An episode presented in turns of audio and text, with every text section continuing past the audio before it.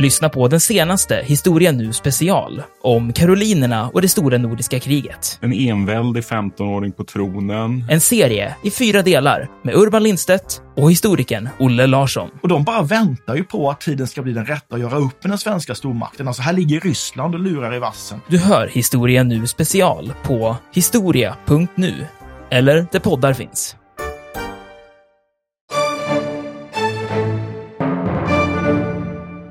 Ska man nu vara noggrann så finner man att vi har belägg redan tidigare. En tid efter 786 kom det nordbor i tre skepp till Portland vid Engelska kanalen, dödade en lokal styresman. Kung Offa av Mercia uppmanar folket i Kent år 792 att stärk försvarsanläggningarna mot havet, det kommer jobbiga hedningar.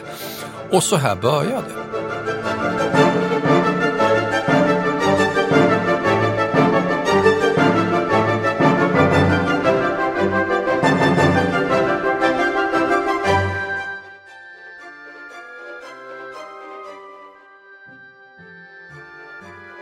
Välkomna till Harrisons dramatiska historia och till mig, Dick Harrison och till min kära hustru Katarina Harrison Lindberg. Och nu har vi äntligen, skulle jag vilja säga, kommit fram till vikingakrigarna. Ja, dags att ta fram skölden, tugga fradga och tjuta ut något bärsärka-yl. Eller? Ja, vi får väl se.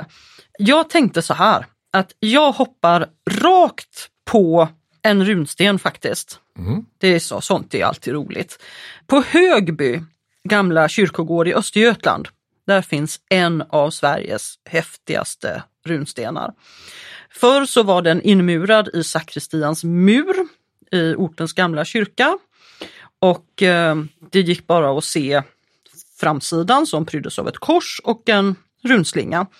Men eh, 1874 så byggde man om och då kunde man se att den här stenen den hade runor på ytterligare två sidor som man inte hade kunnat se tidigare. Och då kunde man ju också läsa mycket mer av stenen och en familjetragedi kom i dagen. Jag ska läsa det här och nu tänker jag inte läsa det på någon sorts rymdsvenska utan vi kör det på modernt. Så här står det på eh, stenen. Torgärd reste denna sten efter Assur, sin morbroder, som dog österut i Grekland. Söner fick Gulle, en god bonde, fem. Vid Furi föll Asmund, orädde kämpen. Assur omkom i öster i Grekland. Halvdan blev på Hulmi dräpt. Kare vid Tuti och död är Boe. Torkel ristade runorna. Vad är det här Dick? Ja, det är många östgötar som är ute och dör eh, och då har man försökt räkna ut vad de har dött av och när och hur. Och en av de här vars minne hyllas, Assur Gullesson, han har alltså dött i Grekland, Krikland, vilket mycket väl kan tyda på att han tjänade i Väringagardet, alltså under den bysantinske kejsaren, som hade ett speciellt skandinaviskt livvaktskomplex som även kunde fusioneras in i armén. Han nämns vid två tillfällen här, vilket tyder på att han har stått runstensresan Torgad nära. Och stenen är framförallt ett monument över honom.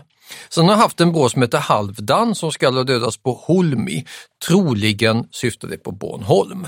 Det är i alla fall det mest sannolika. Mm. Däremot Asmund och Kare, det är svårare att klarlägga. Att ha dött vid Fori, ja, Uppsala patrioter säger det Fyris, Fyrisån, Fyrisvallarna, men det är en ren gissning. Det kan lika gärna vara precis vilken annan plats som helst. Furet, Fori, det är inte, det är inte alls ovanligt. Eh, Toti har ibland mycket djärvt tolkats som Dundee i Skottland, men det kan tyda på nästan vad som helst. Det kan också betyda vid udden bara. En sak är säker, de har i alla fall dött i strid. De har dött i någon sorts djärv kamp i fjärran land, utom en som heter Boe. Ja, för Gulle han hade fem söner, det framgår ju på den här stenen, och en, det står bara och död är Boe. Inte att han dog någon särskilstans. Så han Nästan verkar ju... Pinsamt. Ja, så är. Boe död också. Boe är också död. Nej men han verkar ju då ha dött i hembygden. Eh, medan alla andra dog långt borta.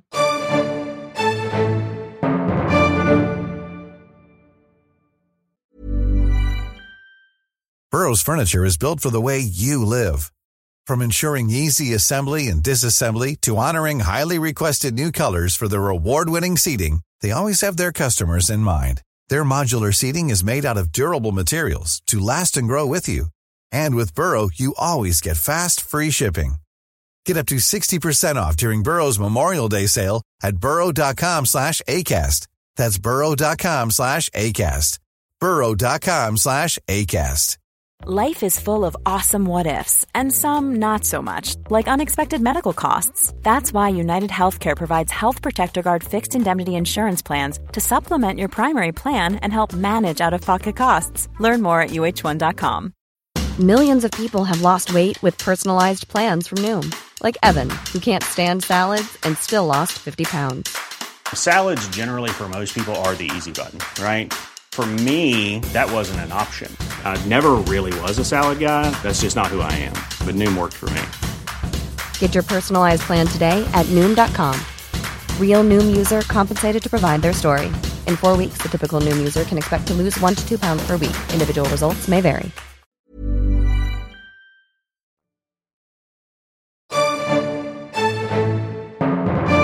Vi kan titta på en annan sten. Där är det en stenresare som heter Tola som berättar om vad som hände. Den är rest till minne av hennes son Harald. Det här är Gripsholmsstenen. Också den en- är jättelätt att se precis framför slottet. Ja, precis. Och eh, han, eh, då står det så här på den här stenen. Tola lät resa stenen efter sin son Harald, Ingvars bror. Det for manligen fjärran efter guld och österut gav örnen föda. Det dog söderut i Särkland. Den här stenen är rest till minne av unga män som har sökt sig till Särkland efter rikedomar. Fjärran efter guld står det. Och eh, ordet Särkland, vad är det för någonting Dick? Vad, vad, vad betyder det? Ja, det syftar på ett vidsträckt område vid Kaspiska havet och främre Orienten och ingen vet egentligen vad det här ordet betyder, hur ordet har uppkommit. Det vanligaste är att man säger att det, är, det syftar på saracen, alltså muslim, Särkland, saracen, men det förutsätter att man vet vad saracen är för något i Norden och det är inte alls säkert. Alternativet är att det handlar om handel med klädesplagg och tyger. Latinet sericum, silke, ska vara en viktig handelsvara i regionen. Men det finns också en stad som heter Sarkel vid Don och så går folk gärna omkring i särkar i sydliga östliga Det nejder. har alltid jag trott att Så det betyder. det kan betyda allt möjligt av det här. Däremot så vet vi att ge örnen föda. Det vet vi vad det betyder.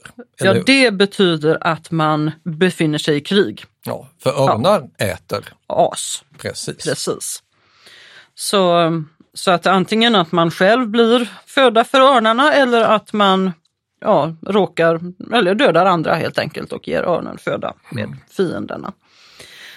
Så att eh, ja, de dog De långt fick borta. inget guld, Fick inget guld. Och- men blev odödliga i Gripsholm. Ja, så är det ju.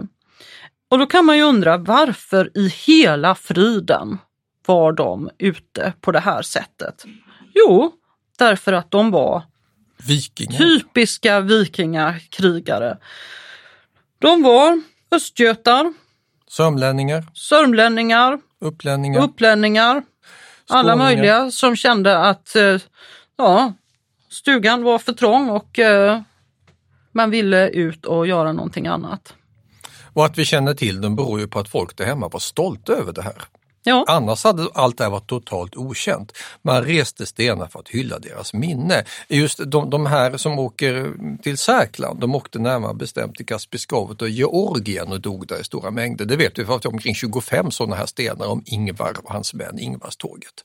Och det är ju inte bara av sorgskäl som man reser det här, det är för att man minns det här som dådkraftiga, djärva män vars minne skulle hyllas. För det mesta när vi dock tänker på de här vikingakrigarna så är det inte folk som åker till Arabien och Iran och Georgien utan det är folk som åker åt helt andra hållet. Vikingar i västerled. Alla skildringar av vikingatidens historia som jag har läst, de startar nästan alltid med en speciell plundring i Västerled den 8 juni 793. Då skall det ha anlänt hedniska främlingar till klostret Lindisfarne på Holy Island, plundrat hela anläggningen på okänt vis och därmed inlett någon stor fas av plundring längs med engelska kusten. Ska man nu vara noggrann så finner man att vi har belägg redan tidigare. En tid efter 786 kom det nordbor i tre skepp till Portland vid Engelska kanalen, dödade en lokal styresman. Kung Offa av Mercia uppmanar folket i Kent år 792 att stärk försvarsanläggningarna mot havet, det kommer jobbiga hedningar. Och så här började det. Hjälpte det? Eh, hjälpte som sagt inte eftersom Linde Lindisfarne rök i alla fall. Likaså på kontinenten, Alcuin of York skriver om hedningar utanför Akvitaniens kust år 799, det är alltså Sydfrankrike. Och Karl den store måste organisera en flottstyrka, så under 790-talet tycks det ha startat någon sorts trend att ge sig ut från Skandinavien, åka västerut och plundra. Därmed, man ska inte tro att det var någon så här kontinuerlig följd av våldsdåd hela tiden i västerled för att det verkar mycket mer som att de här attackerna kom lite grann i vågor. Och just 790-talet, då var det en sån här våg. Men det var inte så, sen att det liksom bara fortsatte och fortsatte utan sen lugnade det ner sig lite grann. Nej, för det bygger ju på att man lyckas också. Ja. Lindisfarne, snabb kupp, bränn upp allt, stick därifrån kvickt, lyckades.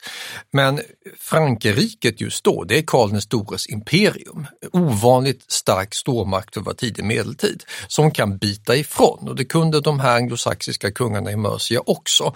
Så 790-talets flodvåg av vikingahärjningar följs sedan av en paus på flera decennier. Sen på 830 840-talen, när det börjar krisa i den karolingiska stormakten, när Karl den stores ättlingar börjar kriga mot sig själva, det splittras upp, då får vi en ny våg av stora attacker. Då kommer det varenda år stora väldiga härjningar. Och framförallt mot de rika köpstäderna, rika kloster och rika marknadsplatser. Dorestad söder om Utrecht i Nederländerna plundras upprepade gånger mellan 834 och 837. Nantes i Frankrike, alltså vid kusten vid Loires mynning, attackeras 843. Sen ockuperar man öar vid Loires mynning, kidnappar lokala ledare, framförallt abbotar och biskopar, kräver lösesummor för att återlämna dem, pressar fram tributer. Alltså vanliga vikingataktiker är att hota, vi bränner om ni inte ger oss pengar och så ger man det. Och varje gång man får sånt tänker man att nu fortsätter vi, det här var ju lätt. Och så här håller det på hela vägen ner till Pyreneiska halvön och Nordafrika på 840-850-talet. Så det var alltså en följd av att det lyckades när man satte igång svagt motstånd, sen fick det här följdverkningar. Och det är ju inte svårt att räkna ut psykologiskt hur det gick till. Man återvände hem med krigsbyte, berättar att ja, vi kidnappade en abbot, tjänat allt här, vi hotade att bränna upp en by, vi fick det här istället. Ska ni med nästa år? Jajamensan. Och så drar det hela igång. Det här är ju inte fredliga genomsnittsskandinaver för de har fullt upp med att överleva som bönder eller trälar eller något annat. Det här är den här krigiska eliten som inser att det går bra att vara plundrare på heltid. Nu sticker vi ut. Precis. Då kan man ju undra vad det var för personer som ledde de här expeditionerna. I många fall så har vi ju ingen aning om vad de hette, men i vissa fall så har de faktiskt bevarats. Framförallt i frankiska källor. I en krönika från Saint-Vendry så möter vi namn som Oscar, Sidrock, Godfred och Björn. Och de här fyra männen de anförde små krigargrupper vid Seine under perioden 841 till 856. Och de är ju helt okända i övrigt. Ja, men det intressanta är att det här är ögonvittnen från Ja. tiden som minns vad hövdingarna hette, Ja. busarna som kommer och förstör för dem. Det har föreslagits att eh, det här var danska hövdingar som drivits i exil och som kompenserar sig genom att plundra ihop rikedomar i västerled. Men ja, egentligen vet man väl inte. Frankrik, frankerna själva, de, eh, de tog gärna nordbor i sin tjänst och kunde mycket väl uppmana dem att plundra till exempel. Och eh, många stormän uppfattade de här nordborna som allierade i strider i, i det här Frankrike-imperiet som höll på att falla sönder. Man kunde ju anlita dem som legosoldater. Ja. kommer det en massa gangsters från norr, de kan vi använda. Ja, och det är klart, och då, lär, då vet man ju också vad de heter mm. förstås. Eh, då är det inte bara anonyma människor som anfaller. Så både Ludvig den fromme och den här, så, hans son Lothar eh, överlät landområden i Friesland till en eh, landsflyktig dansk kung som heter Harald Klak. Till exempel. Så att eh, man, man hade nytta av de här vikingarna också. Så det var inte säkert att de var fiender. Ja, det är klart, och om en sån här hertig eller greve börjar anlita nordbor så kan ju grannen göra det också. Ja. Passa på för säkerhets skull. Som 862, då har vi hertig Salomon och Bretagne som eh, inser att i det här kriget behöver jag lite nytt folk och de här är bra på att slåss. Och hans granne greve Robert av Anjou, ja han hyr sin vikingaflotta. Ja, så båda hade vikingaflottor på varsin sida. Så... Mitt favoritexempel är Pippin av Akvitanien som verkligen gick in för det här med att nu ska vi släppa in gangsters.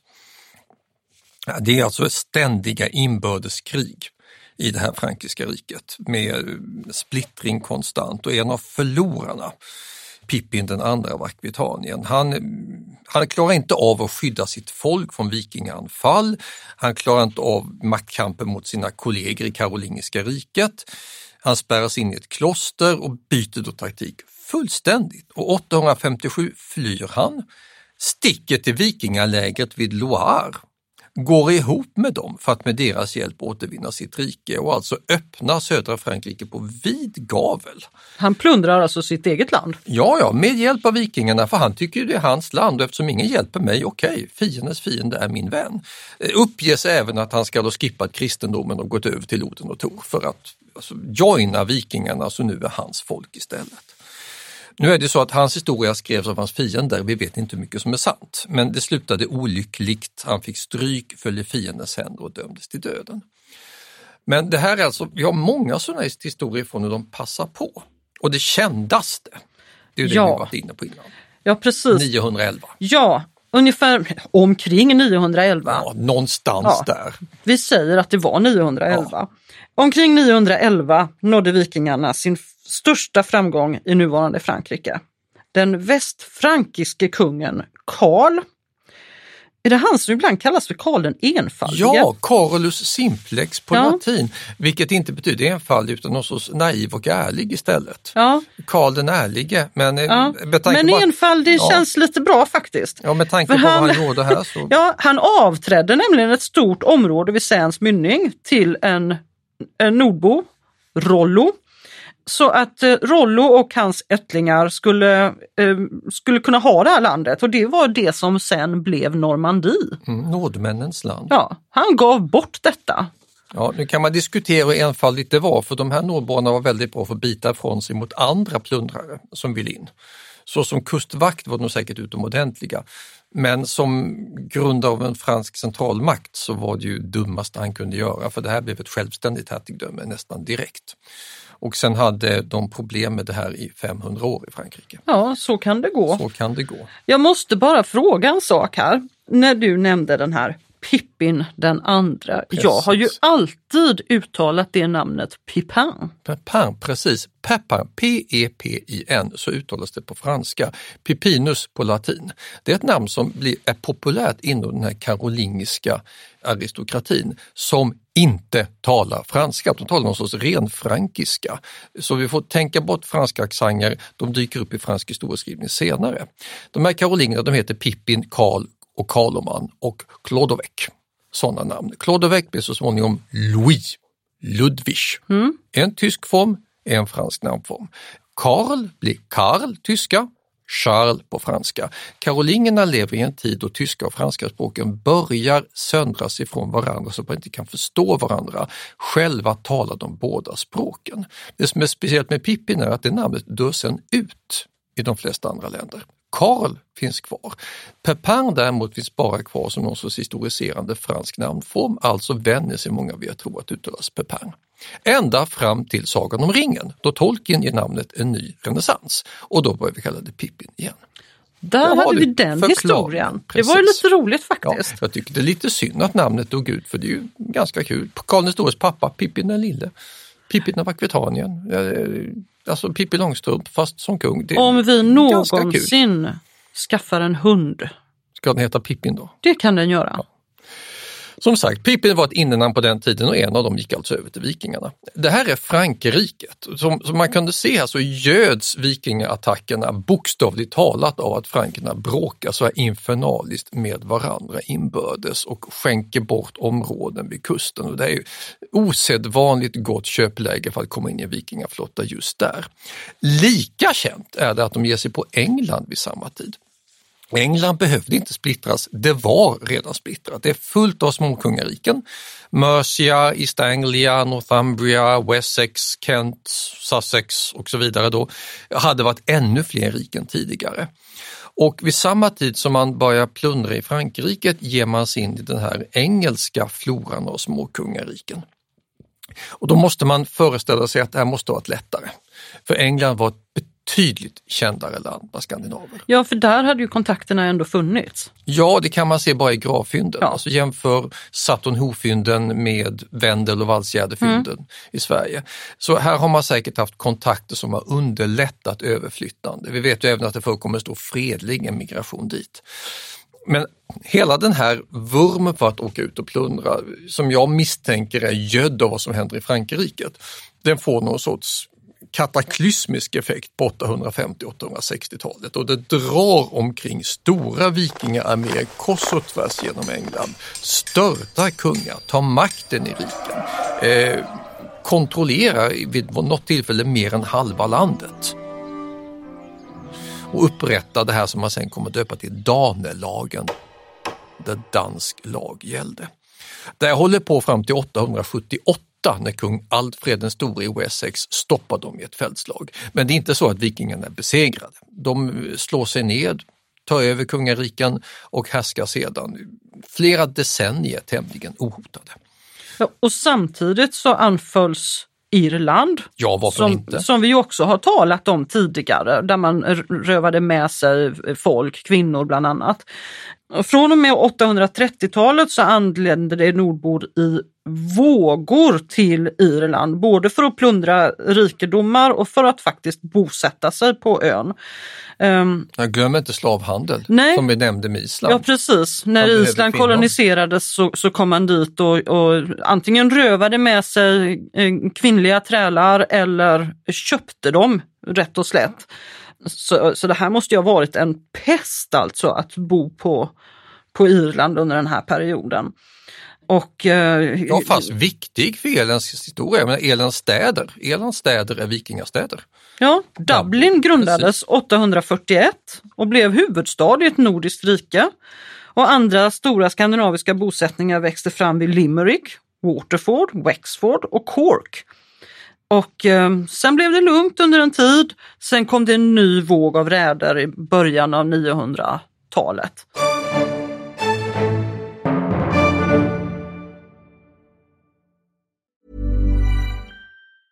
Many of us have those stubborn pounds that seem impossible to lose, no matter how good we eat or how hard we work out. My solution is PlushCare. PlushCare is a leading telehealth provider with doctors who are there for you day and night to partner with you in your weight loss journey. They can prescribe FDA-approved weight loss medications like Wagovi and Zepbound for those who qualify. Plus, they accept most insurance plans. To get started, visit plushcare.com slash weight loss. That's plushcare.com slash weight loss. Burrow's furniture is built for the way you live. From ensuring easy assembly and disassembly to honoring highly requested new colors for their award-winning seating, they always have their customers in mind. Their modular seating is made out of durable materials to last and grow with you. And with Burrow, you always get fast, free shipping. Get up to 60% off during Burrow's Memorial Day sale at burrow.com slash ACAST. That's burrow.com slash ACAST. burrow.com slash ACAST. I'm Sandra, and I'm just the professional your small business was looking for. But you didn't hire me because you didn't use LinkedIn jobs. LinkedIn has professionals you can't find anywhere else, including those who aren't actively looking for a new job but might be open to the perfect role, like me. In a given month, over 70% of LinkedIn users don't visit other leading job sites. So if you're not looking on LinkedIn, you'll miss out on great candidates like Sandra. Start hiring professionals like a professional. Post your free job on linkedin.com/people today.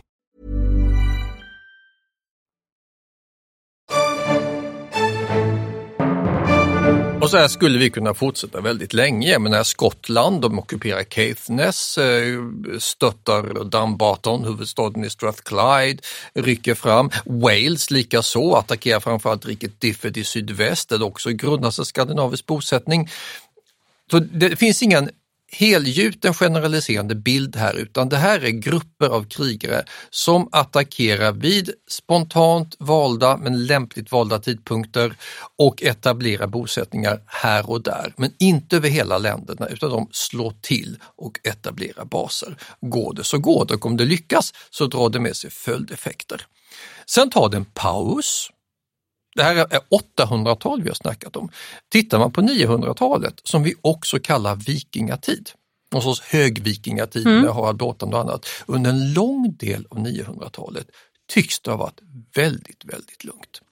Vilket är svårförklarat. Jag menar, titta på Frankrike, nuvarande Frankrike under 900-talet. Det var mycket värre splittrat då än på 800-talet. Men det fanns tydligen ingen direkt impetus, inget som, ingen sån där pushfaktor som gjorde att man stack iväg och krigade då, utan det är lugnt väldigt länge. Likaså på England.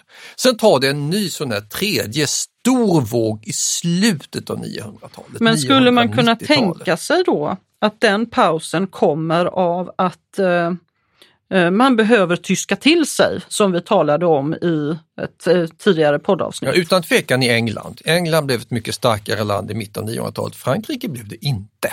Nej men det kan ju vara så att eh, nordborna hade mer att göra hemma vid alltså, att de hade inte tid att hålla på med sånt här. Alltså, giss, det här kom ju före riksbildningsprocessen men gissningsvis så krigade man mot varandra, hade egna bygdeuppgörelser. Men det intressanta är att den fredliga kolonisationen, alltså Island, Grönland, den håller på nu. Den håller på nu, Så ja, det, det är- stämmer. så, så man hade, det finns inget sånt här militärt avgörande skäl till varför man skulle sluta ge sig iväg. Utan enda rimliga förklaringen är att väldigt mycket i de här vågorna bygger på individuella projekt, grupper som drar iväg. Det krävs någon sorts orsak för att man ska ställa sig bakom de här projekten. Finns inte de här dådkraftiga individerna som drar igång det så blir det lätt så att man lägger ned och gör något annat istället. Nu har jag inte nämnt vad vi vet ägde rum mot öster. Vi hoppar över det, Gårda rike mot Ryssland. Det är nästa poddavsnitt. Men i Västeuropa så får vi sådana här idag svårförklarliga pauser. Och största delen av 900-talet är särskilt svårförklarligt som vi vet att det kommer en tredje stor våg mot England på 990-talet och den är mycket större än de tidigare. Det har Mm. vi ju varit inne på innan. Jag Ja. menar Knut den store, Sven Ja precis, då blir det ju regelrätta erövringskrig alltså. Där, när Sven Tveskägg blir kung 1013. Ehm, Ja, de, de, de här erövringstågen är dessutom mycket bättre dokumenterade. Ta bara det här hur mycket man snor från engelsmännen. Engelsmännens taktik för att bli av med danska vikingar den är ganska korkad. Det Mm. beror på att stå på stranden eller i ett kloster och ge dem silver så åker de hem. Vilket de gör och kommer tillbaka året därpå och kräver mer. 991, det är så kallad gaffol-tribut kallas det. Då får Mm. de 10 000 pund för att åka hem och sluta plundra. Tre år senare 16 000 pund. År 1002 24 000 pund. Tre år senare 36 000 pund. 1012 48 000 pund. Och det här ger det första egentliga engelska skatteväsendet. För man måste samla ihop allt det här. Som ju måste vara bland de mest dumma taktikerna man kan hitta på för att bli av med en fiende. För som vi vet slutade med att danskarna tröttnade på att bara få silver. De tog landet 1013. Så går det. Ja, eh, British Intelligence av tidigt tusental. Så det här kan vi då följa noggrant i skrift. Det tråkiga är att det är bara offren som berättar. Det här är ingen som sitter uppe i Oslo eller Sigtuna eller i Roskilde och, och nedtecknar att nu ska vi dra iväg. Vi har alltså bara offrens bild. Mm. Vi bara talas om nordborna när de åker dit och plundrar. Vad vi vet händer samtidigt, det har vi varit inne på tidigare, är att det förekommer en kolonisation och assimilering också. De som flyttar över dit är långt ifrån bara busar.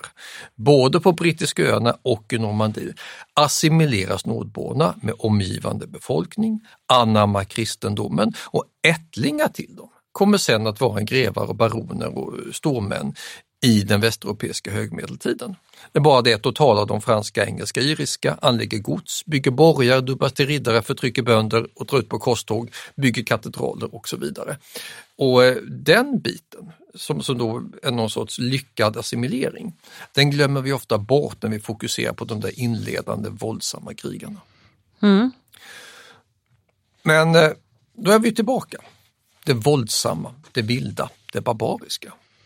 Ja. Hur våldsamma och vilda var de egentligen? Alltså det här, är ju, det här kan man ju verkligen diskutera. För att um, man, man, får, man får ju höra det här att ah, men de uh, går bärsärkagång. They go berserk som man säger på engelska. Och det syftar ju på det här kända då, alltså, vikingastereotypen att det är en rasande galning som tror att han är osårbar och eh, drar iväg med svärd och yxa och tuggar på skölden och ylar mot månen. Um, och då undrar man ju, har det här funnits? Eh, de här bärsärkarna, de här krigarna som liksom i princip förvandlas till någon sorts djur och, och eh, inte är helt ostoppbara, inte, inte går att skada utan bara går på som pansar Ja, vän av ordning hade ju säkert sagt det är väl uppfunnet på 1800-talet, det är väl en nationalistmyt, typisk historieromantik. Ja, nej men riktigt så är det faktiskt inte. Den är, för en gångs skull skulle man kunna säga så är historien inte en 1800-talsgrej. Han dyker faktiskt upp den här bärsärken i skriftliga källor under medeltiden i fornaldarsagor som nedtecknades på 12 och 1300-talet på Island. Nu måste vi berätta vad fornaldarsagor är för något. Det är alltså medeltida fantasy. Ja, det kan man väl säga med, med liksom stora hjältar och eh, slag och ja, sånt. Och där för, förekommer ju de här bärsärkarna men det behöver ju inte betyda att den här historien är sann för det.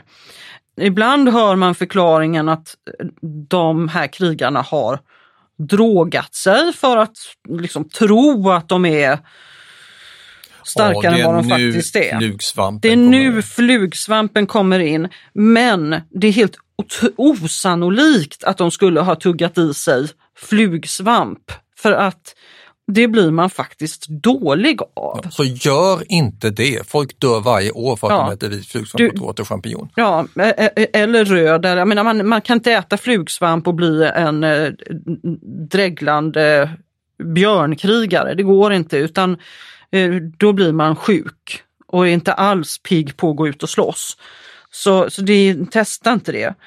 Däremot så kan det ju mycket väl vara så här att man i sin eh, träning faktiskt fick, eh, liksom, jag vet inte, träna sig ordentligt, hjärntvätta sig, bli, intala sig att man hade en del egenskaper som man sen faktiskt när man, när man, när man eh, hamnade i skarpt läge uppammade och, och lyckades ja, faktiskt skrämma skiten ur motståndarna. Gruppschamanistiskt varulvstänkande ja. eller något liknande. Det finns en forskare som heter Britt-Marie Näström som eh, har skrivit en bok om eh, bärsärkar. Den heter Bärsärkarna, vikingatidens elitsoldater för den som är intresserad. Där hon eh, bland annat eh, går igenom det här att ja, det kan ha funnits en grupp krigare som ut, faktiskt utmärkte sig genom det här raseriet och stor vildhet och att det gav då någon sorts ja, övertag av naturliga skäl i jag har också äh, läst den boken för mig, att det var någon sorts förprogrammerad vildhet de lärde sig ja. under sin träning. Stridsteknik alltså? Ja, så, så att eh, de faktiskt fick ett psykologiskt övertag när, när, när det blev strid och, och eh, både att de själva trodde att eh, de blev liksom förvandlade och att eh, de lyckades intala motståndarna att de här galningarna är ju helt ostoppbara och det kanske de i princip var.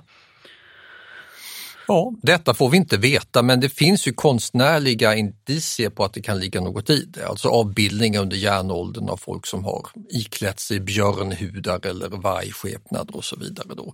Och inom shamanismen över hela jorden så finns det gott om exempel på folk som tror att man kan bli något annat.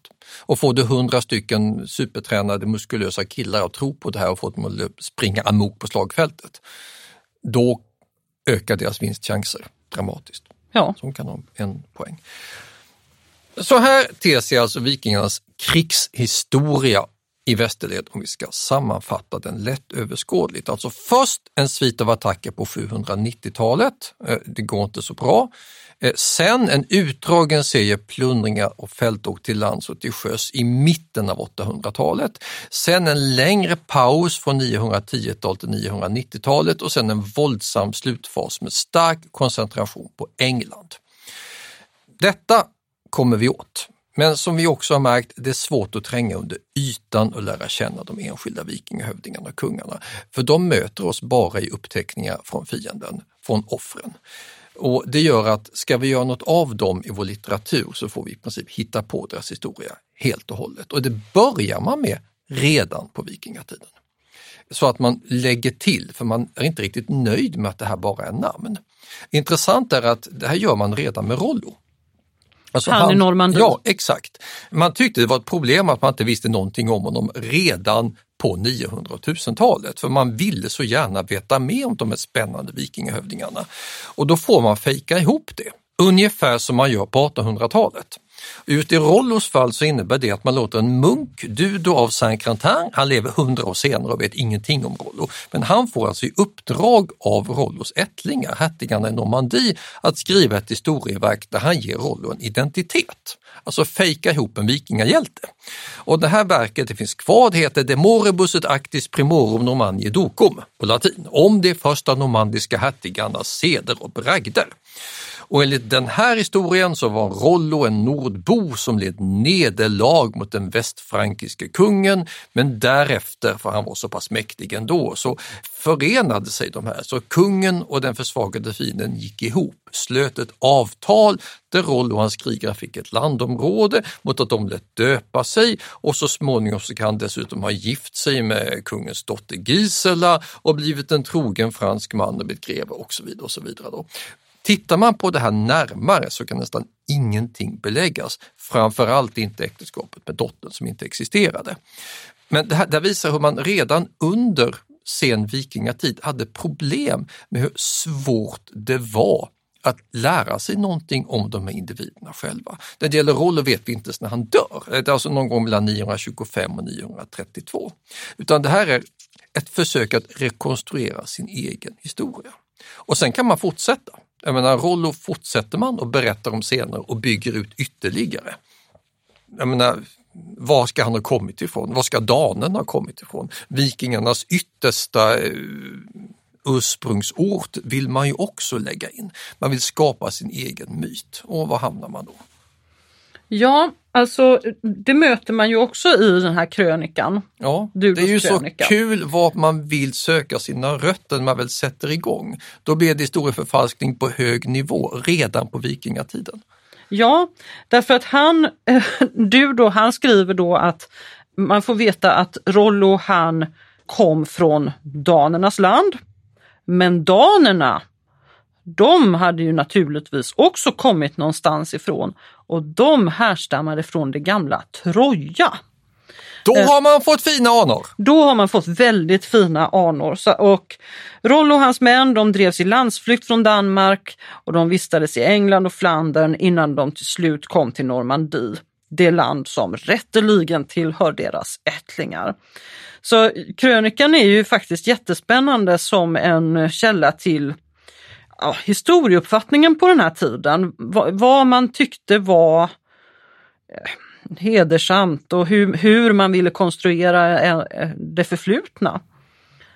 Det är en jättebra källa till historietradition och mänsklig fantasi men Ja. det ger oss inga uppgifter om Rollo och hans nomander egentligen.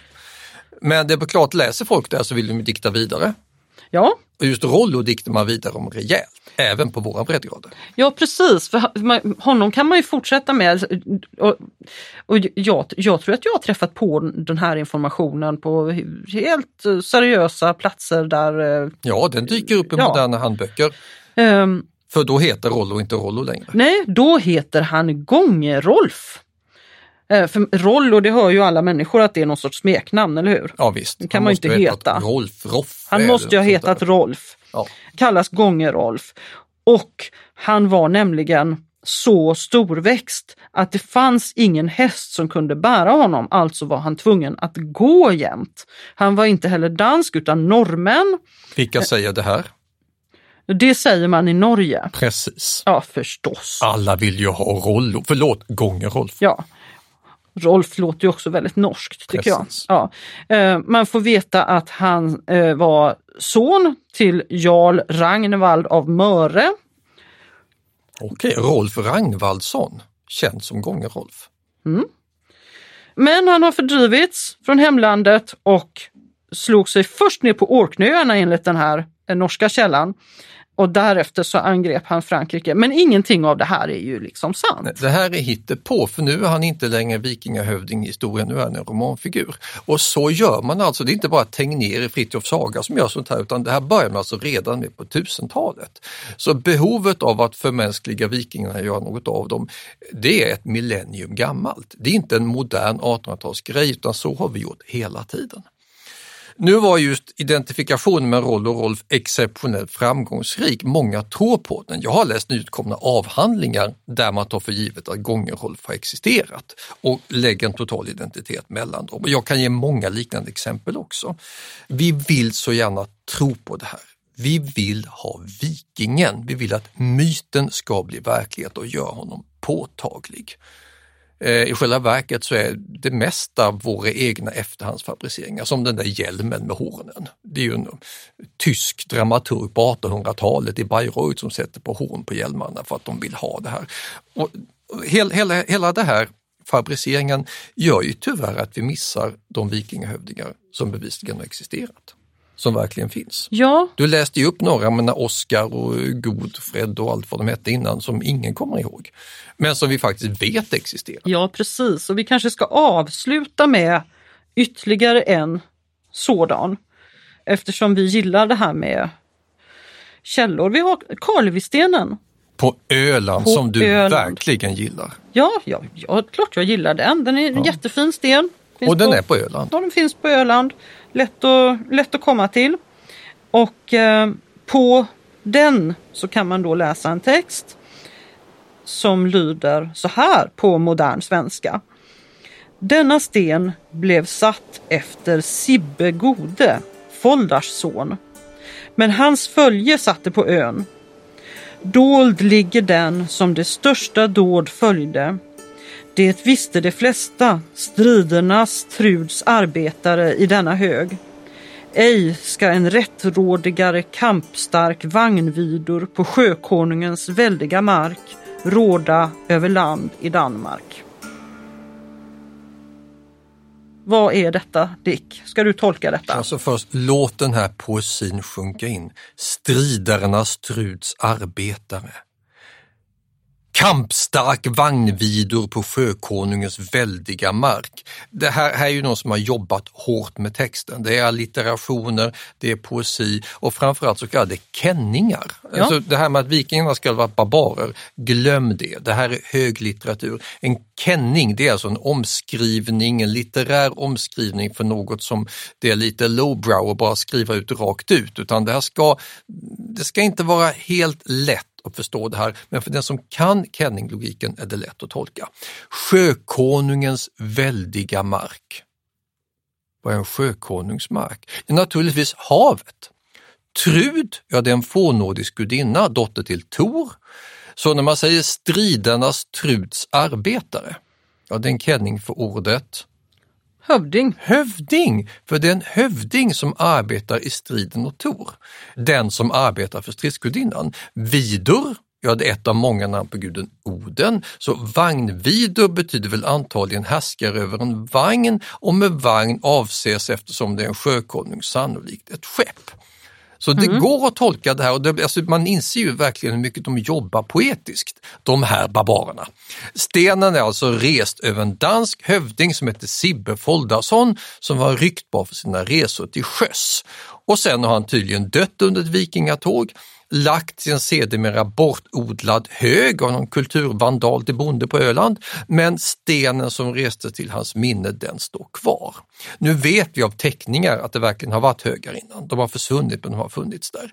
Stenen har troligen tagits från andra sidan Kalmarsund och forslats till platsen. Gissningsvis någon gång i slutet av 900-talet eller omkring år 1000. Mm. Sibbe Foldarsson alltså. Ja, och Sibbe Foldarsson har ju funnits på riktigt.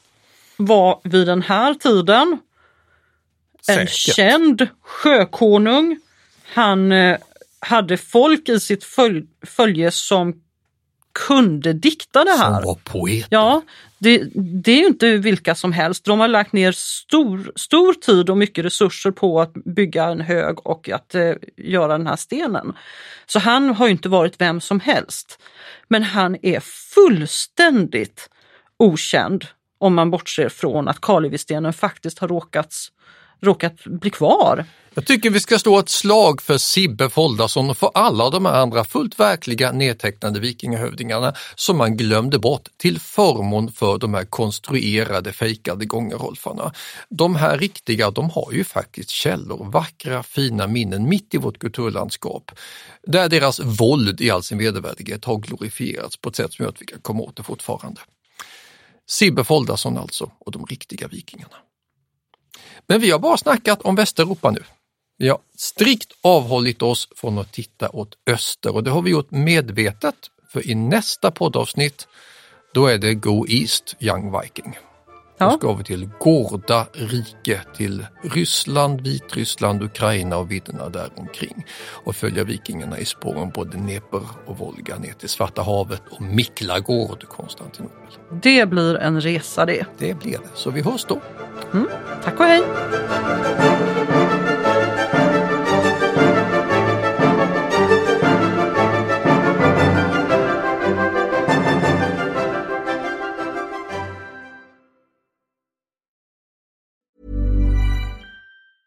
Planning for your next trip? Elevate your travel style with Quince. Quince has all the jet setting essentials you'll want for your next getaway, like European linen, premium luggage options, buttery soft Italian leather bags, and so much more. And is all priced at 50 to 80% less than similar brands. Plus, Quince only works with factories that use safe and ethical manufacturing practices. Pack your bags with high-quality essentials you'll be wearing for vacations to come with Quince. Go to quince.com slash pack for free shipping and 365-day returns.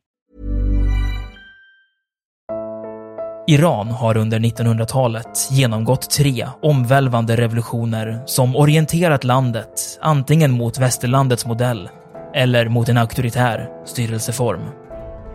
Idag pågår en social revolution i landet som vänder sig mot det islamistiska styret och vars anhängare har Europa och väst som förebilder.